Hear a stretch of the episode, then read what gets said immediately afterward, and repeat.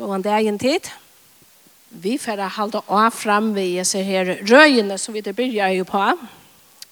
Om det er primære samleggene, læresetninger som løvden bygger av.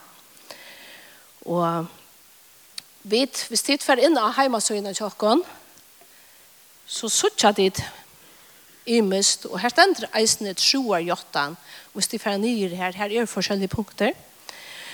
Og Høgne, han er nå med vi til vi tror antene om god feiren, god sonen og god heilig antan. Regen har tås om etter vi biblene, og vi ser at det er sinde sammen på imiske måter, og jeg får så i det at nema vi hese som er punkt 6, frelsa, og punkt 8 som er evig tryggleik. Og alt bytter av løsende vujer på det som Teir Eisne har sagt, hos hun kan talan hos den dreisen sjálv. Og etter her isbær punktene så er ølen jeg er tenkt saman. Eh, frelsan så er sindur så leis som og kan ikke bare henge i leisar luft. Jo, Gud kan alt, Jesus kan alt. Men den er vi tryggleitjen fyllt vi jo i tog. Og derfor er jeg kommer nærre nå og hessar talene kommer. Ja.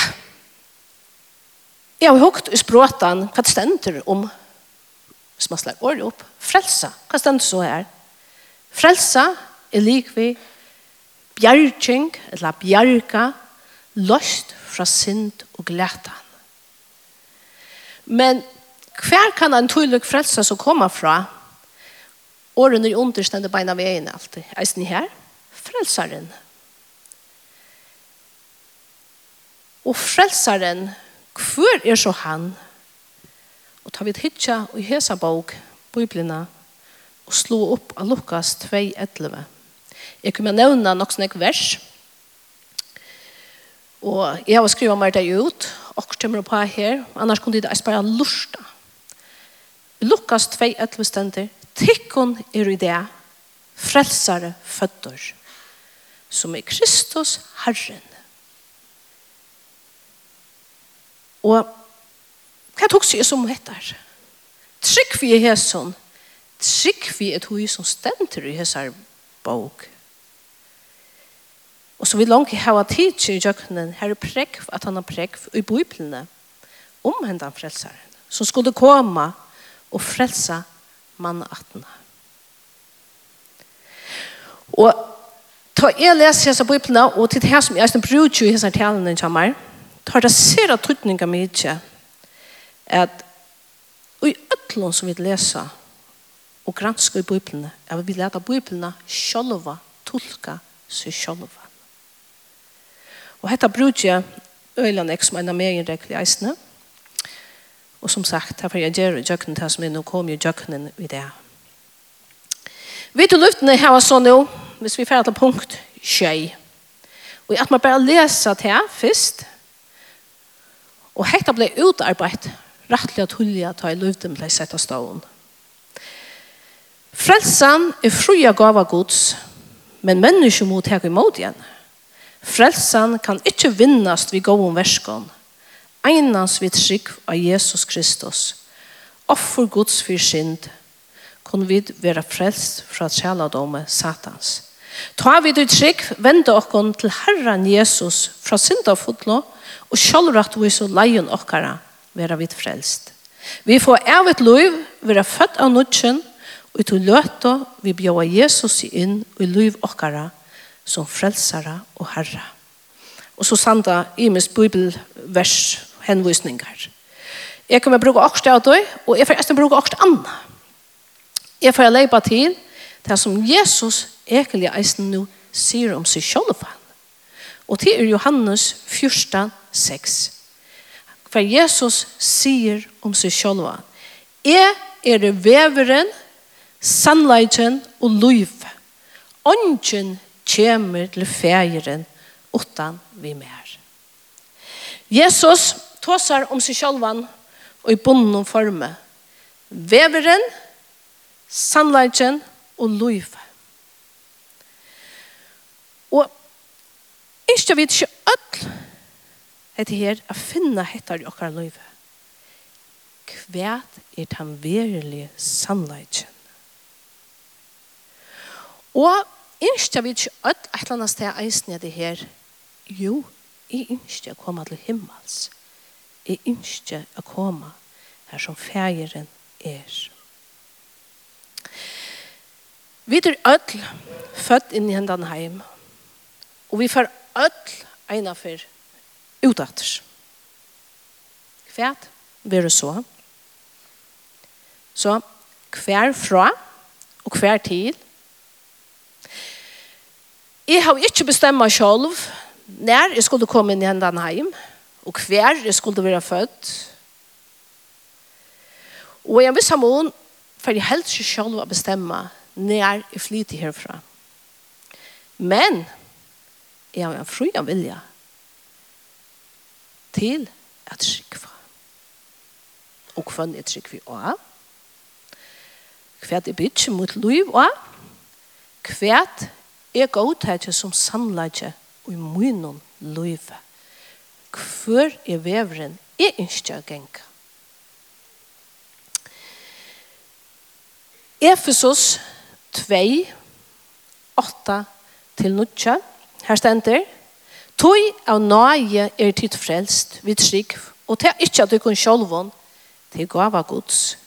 Ikke av verskon for at ånden skal råse sær. Av nøye vid trygg. Nøyen som alltid er og oppe i båren.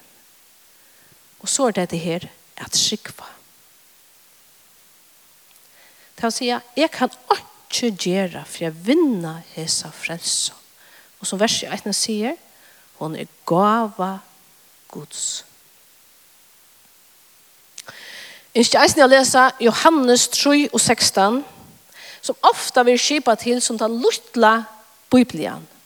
Det vil si, Biblian komprimera nyer i eit vers. Tøy så elskar jeg god heimen at han gav sån sån hin einbarna for jeg kvart han ut skyr han ska ikke förtäpast men heva evigt liv.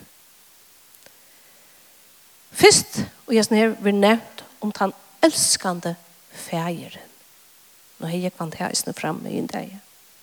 Den elskande fægeren som gav.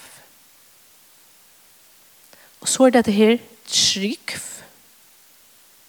så er vi ikke skulle fortapast en frelsa til evigt liv. Og så er ikke faktisk å bryte knyte andre vers at det til etter. Hvorfor er det så Ja, disse versene, hvorfor er vi så i herren om tar vi trikva? Hvordan får vi denne trikkleikene? evige tryggleika. Her atla jeg så viser at jeg kunne ta versene oppi her.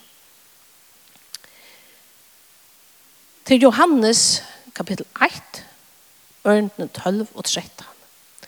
Men så mange som tog imot i hånden, gav han mått av være bøtt gods.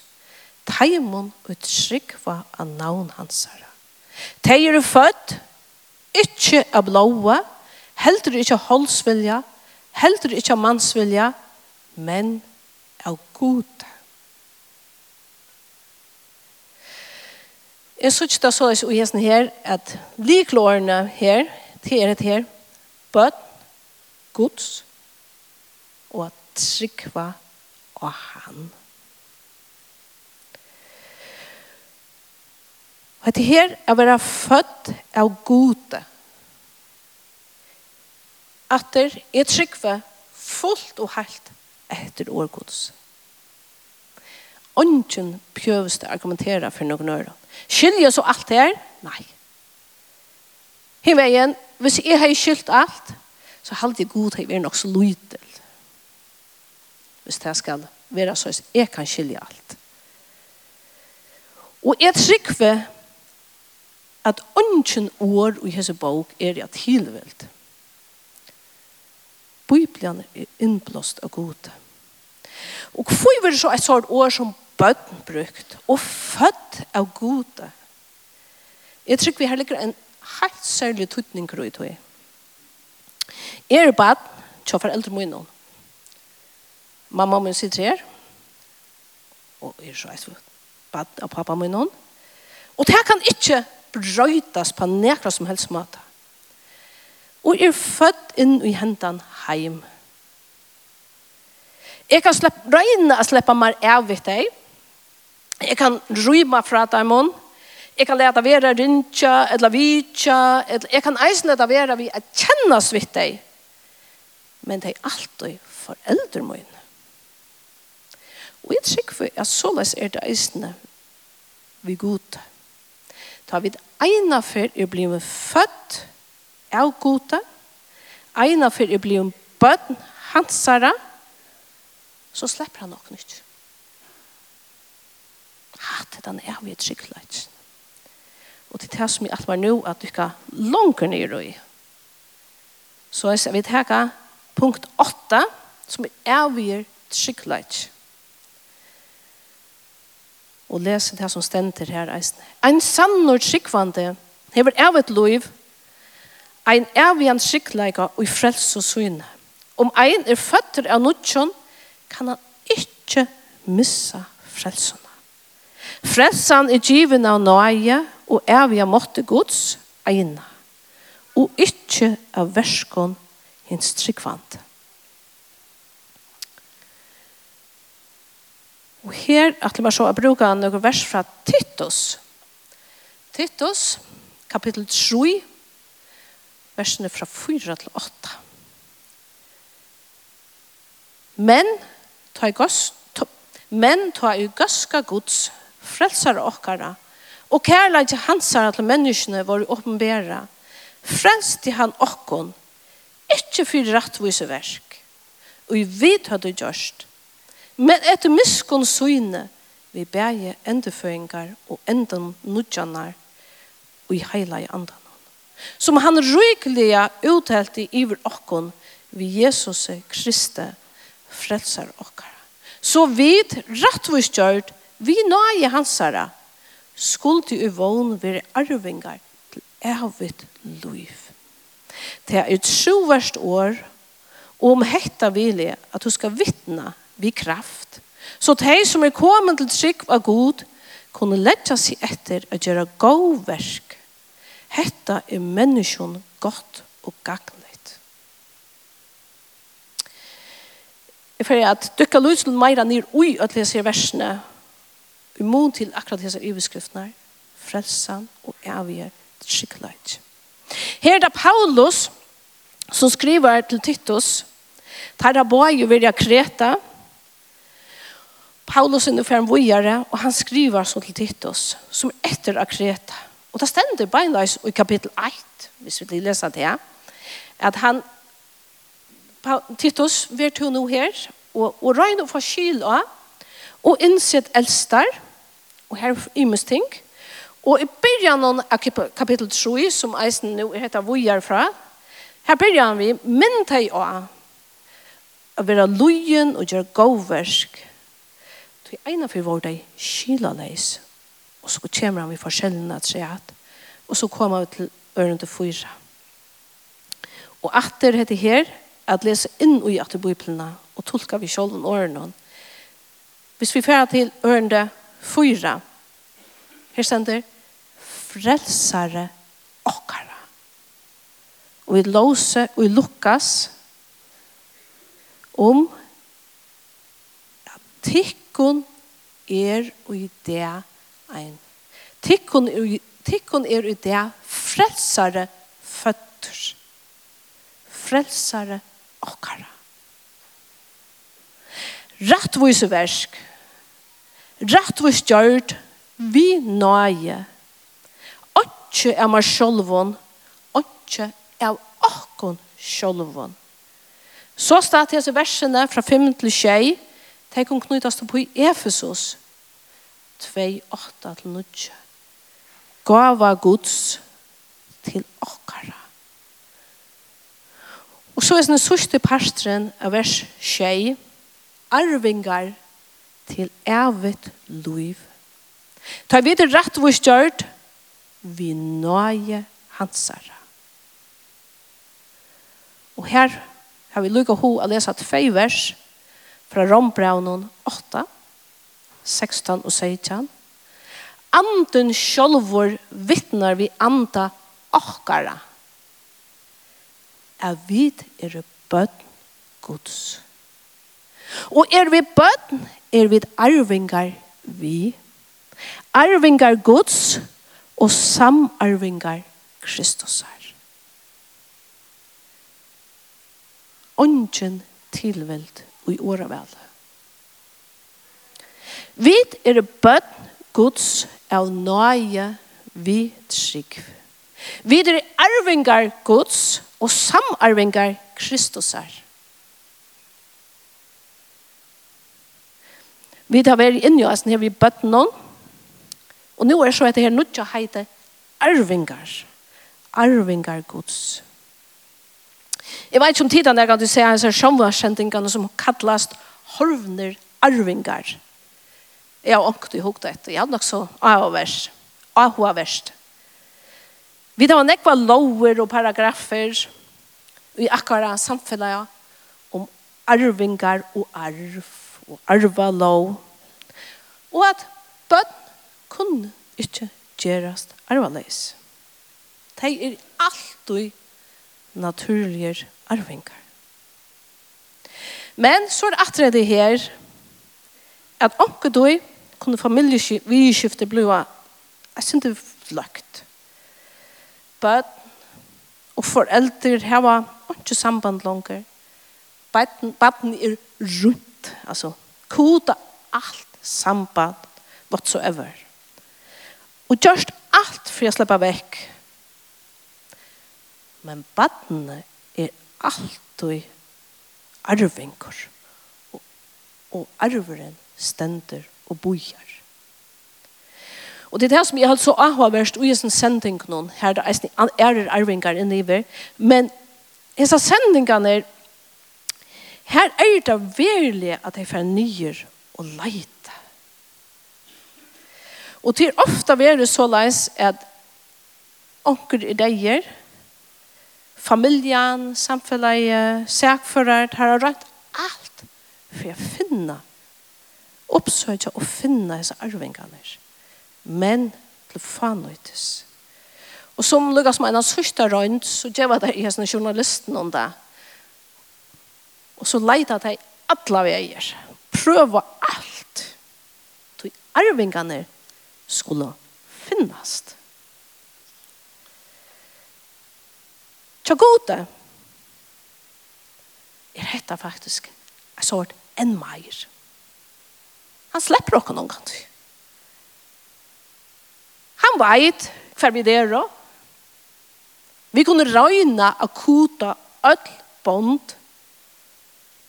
Men eina for bad alt i bad eina for arvingur alt i arvingur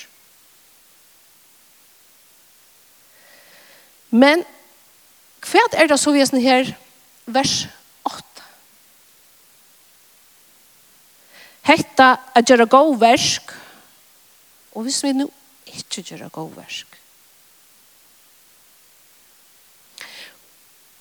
Og da vi lovsett her, så er det faktisk at her er gjøre god versk en naturlig avlæring av at ha en trus, så legger en seg etter å gjøre god versk.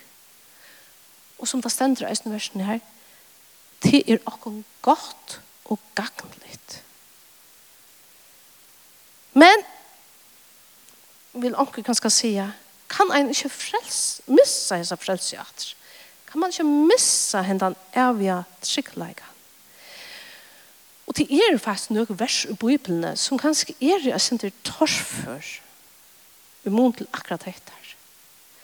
Og som noen som er kanskje meira enn øren bekvi enn hver vid som samkommer, og er personlig eisende, men vi som samkommer har sett opp hette her vi evige frelse. Et vers er her, jeg får lese det for dikon, til Filippe brevet 2.12. Eins og tid tog, elsker og minne, alt vi hava vært lojen, så arbeid. Ikke bare som ta ever til tikkon, men opp at det nekk meira, Nå ikke er til tikkon, vi øtta og bivan, og på frelse tikkare. Aha. Aha. Jeg skal arbeide vi øtta og bivan oppa frelso myna. Frelso tikkara. Men altså, er frelsan så ikke han nøye vi trygg? Er hun ikke gav av gods? Rett og gjørt er trygg. Er Bibelen nå ferdig mot, sier seg selv om? Nei. Bibelen mot sier ikke seg selv om. Og tog er det atter så sera, sera tøytninga mykje at vi lesa og tolka Bibelna inn i seg sjølv At lesa öll versene rundt om etta verset. Hva stender frem an undan? Og som jeg eisen nu har gjort her, jeg ser at det her verset som jeg lyser nå, ser man vi her fra Titus 3, 8. Vi har akkurat lyst det om at han frelseren, om at skikva, om rettvise, rattvis gjørt vid skikv. Og ta er det til et sjoverst år, og om hetta vilje at de skulle få til et sjoverst år, og om hetta vilje at hun skal vittna vid kraft, så de som er kommet til trykva god, kunne lette seg etter å gjøre godverk. Hetta er menneskjon godt og gagnligt. Såleis kunne vi ikke gjøre sjølve, for jeg være meira frelst. Ei du kunne vi gjøre neka, for jeg ble minne frelst. Frelst er nøye vidt skikv.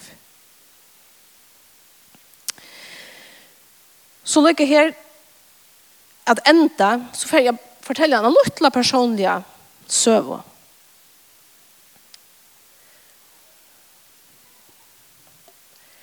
Vi som familie, Absalon og Jentner i åkken, vi er nå 25 år etter, så vi er sånn halvgående folk. Ta var vi et halvt annet år i Ånglandet, vi OM, troboende arbeid. Og kom en etter til førre år, følte jeg med rettelig lost. Løvde meg ikke byrja, Jeg følte at det var sin ringt at finnes det vi etter her. Vi tar det vært ordentlig vi vi er sånn her andalige arbeidene i Ånglandet. Vi er vi til en sort outreach. Oppleva nekv sammen vi god. Og nå bare vi er her rettelig trillvant Og det er noe som kom bare, hva skal jeg gjøre? Hva skal jeg fære? Hva skal jeg fylla med vi? Og ta en av ferne så kom jo et her som stender Johannes 6, 23 til nødje trus. Lust. Jesus sier ta vi hinner tølv atle eisne tid at ryma. Som Petor sværa i hånden, Herre, kvann skulle vi færa til? Tu hever år hins evige lus. Og vi tar et sju og finja suttja at tu erst hin heilige Guds. Og så er det viktigt hva er det som stender framan undan og rundan om. Hvis man hikker i kapittel 6, til Johannes. Den kapitlen begynner vi at Jesus gjør sjuk folk frusk. Han mettar meir enn 5000 folk. Jesus, han gengur, kjemmer gengande vatten vattnen. Alt hettar, sutja vi i kapittel 6. Fram og undan hans i ørenden som jeg les. Jesus gjør nek stor ting og under. Læresveinene som er sammen vi og noen, og folk i her, de opplever det her. Og han taler til dere. Og så kommer vi frem til dette verset. For nå er jeg lese vers 36. Fra hese tog for en nekk for en læresveinen hans herre, at halte seg bort.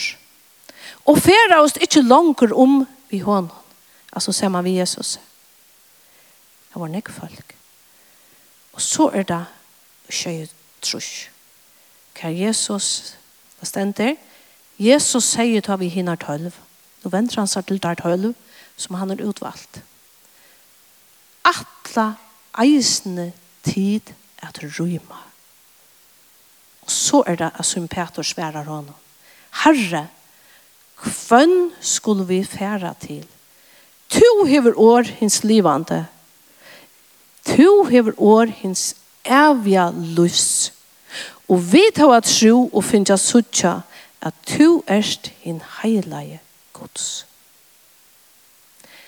Her som spørningren ta etter tøyne rakte meg. Atle er at ryma. Hvem skal jeg fære til? Jeg har et tro jeg har et tro og finner jeg suttja Jesus. Og i årene, og i biblene, og i mine løyve, og i løyve noen til heimen rundt han om meg, og i samkomne. Jesus, han er min frelsere, og evige tryggleid.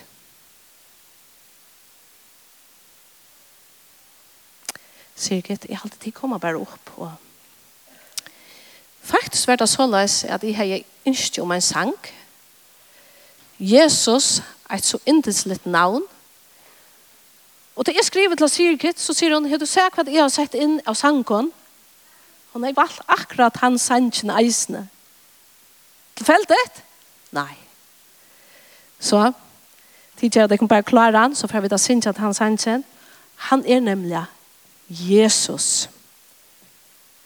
Er det nekker inne her i det, som ikke kjenner enn den Jesus, som sin frelsere, så er han å finne her i det.